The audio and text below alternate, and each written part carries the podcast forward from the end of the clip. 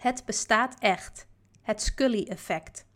Vernoemd naar Dana Scully, de nuchtere en doortastende partner van Fox Mulder uit de X-Files, die er alles aan doet om haar goedgelovige collega ervan te overtuigen dat zelfs de grootste mysteries meestal een logische en wetenschappelijke verklaring hebben. Al moet ook zij af en toe haar meerdere erkennen in de zaken die op hun bureau belanden, want daar zit toch maar al te vaak een onmiskenbaar vreemd en buitenaards luchtje aan. Het Scully-effect dus, verwijzend naar het fenomeen dat dit fictieve tv-karakter, FBI-agent Dana Scully, talloze meisjes heeft aangespoord om te kiezen voor een opleiding en carrière in zogenaamde STEM fields: science, technology, engineering en math. Vakgebieden waarin vrouwelijke rolmodellen schaars zijn als gevolg van een historische scheefgroei, resulterend in persistente overpopulatie door, jawel, daar is hij, de blanke cisgender man van middelbare tot babyboomer-leeftijd. Mij heeft ze ongetwijfeld ook geïnspireerd, al kan ik me dat helaas niet actief herinneren. Maar het eerste seizoen van de X-Files, en dan heb ik het natuurlijk over het origineel uit de jaren 90 van de vorige eeuw, ging in première kort voordat ik eindexamen deed en nog dacht dat ik arts wilde worden. Nu, pak een beet 30 jaar later, ben ik blij dat ik Medisch Centrum West heb ingeruild voor het Science Park in Amsterdam Oost. Want net als Dana Scully zoek ik liever naar antwoorden op grote en fundamentele vragen, balancerend op de grenzen van het onbekende.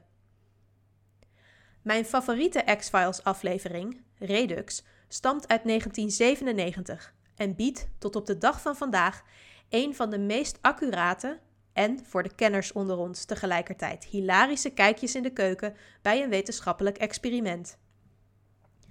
Waar men in fictieve setting nog wel eens wil pipeteren zonder puntjes, een doodzonde in het lab, of de pipet ter hand neemt als ware het een injectiespuit, er bestaat zelfs een blog waarop dit soort misstappen verzameld wordt. Ik zou zeggen, breng eens een bezoekje aan de That's Not How You Pipette Tumblr. Volgt Dana Scully een vrij natuurgetrouw protocol voor een zogenaamde Southern Blot. Ik zou hier tot in detail kunnen uitleggen waar ik het precies over heb, maar de ontwikkelingen in de moleculaire biologie gaan snel. En ik behoor inmiddels tot een uitstervende generatie die dit experimentele huzarenstukje nog in de vingers heeft. Kort samengevat, komt het erop neer dat je met een Southern blot een specifieke DNA-sequentie kunt detecteren in een complex mengsel. Scully gebruikt hem, hoe kan het ook anders, om aan te tonen dat ze geïnfecteerd is geraakt met vreemd viraal DNA van onbekende oorsprong.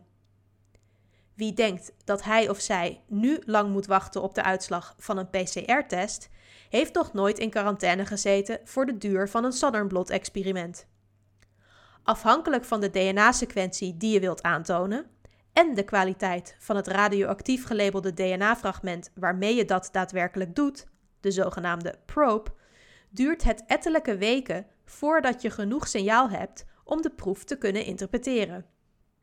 Maar Scully heeft haast. Langer dan vijf uur heeft ze niet. En, nu komt het mooie, want in plaats van dit ongemakkelijke probleem te negeren, wat behalve een aantal nerds niemand zou zijn opgevallen, besloten de makers het expliciet in het script te verwerken door Scully's tegenspeler, Dr. Vitagliano, een paleoclimatologist, tussen neus en lippen door te laten opmerken: mm Not gonna happen, not unless we have a blazing hot probe. Misschien moeten we het fragment een keer terugkijken. Het staat op YouTube. En dat brengt mij bij het best bewaarde geheim en wat mij betreft de meest begeerlijke baan in Tinseltown, de Hollywood Science Advisor. Vaak een kennis van een kennis van de regisseur, maar ook al jaren leverbaar via de Science and Entertainment Exchange, een initiatief van de National Academy of Sciences waarbij professionals uit de entertainmentindustrie gematcht worden met wetenschappers, zodat er meer synergie ontstaat tussen die twee takken van sport. En daar is, wat mij betreft, aan allebei kanten behoefte aan. Natuurlijk willen we dat wetenschappers vaker en realistischer in beeld komen. En dan niet alleen als evil scientist of roepende in de woestijn die aan het begin van elke rampenfilm stevast genegeerd wordt, maar als mens van vlees en bloed met uiteraard uitstekende pipeteervaardigheden. Andersom kunnen wetenschappers nog het nodige leren op het gebied van storytelling. Want onze primaire manier van communiceren, het wetenschappelijke artikel, is een opeenstapeling van saaie feiten waarin alleen mede-experts een spannend en samenhangend verhaal kunnen ontdekken. Dat kan en moet beter, zeker in een tijd waarin van wetenschappers verwacht wordt dat ze hun best doen om een breed en groot publiek te bereiken. En goede verhalen vertellen, dat kunnen ze in Hollywood natuurlijk als geen ander. Toen ik zeven jaar geleden mijn eigen onderzoeksgroep startte, heb ik me dan ook meteen aangemeld als gegadigde bij deze Science and Entertainment Exchange. Er volgde een videocall, ik belandde in de kaartenbak en onderging hetzelfde lot als de meeste acteurs en actrices. Er volgde radiostilte en ik werd nooit teruggebeld. Mijn droom om Tom Cruise te leren pipetteren of Morgan Freeman de geheimen van de celkweek bij te brengen, er is allemaal niets van terechtgekomen. Daarom speel ik met de gedachte om het toch wat dichter bij huis te gaan zoeken. Want waarom woont er nog geen wetenschapper in Meerdijk? Waar blijft CSI Amsterdam? En laten we wel wezen, het is natuurlijk maar een kwestie van tijd voordat onze nationale coronaperikelen gedramatiseerd gaan worden. Dus ze mogen me bellen, de Frank Ketelaars en de Martin van Koolhovens. Ik maak met liefde tijd vrij om Pierre Bokma, Vetja van Uwet en Ramsi Nasser in te werken. En vooruit.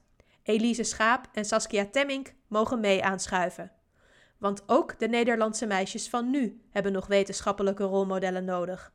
En soms werkt dat allemaal toch nog net iets beter als je ondertussen weg kunt dromen bij een spannend en romantisch verhaal.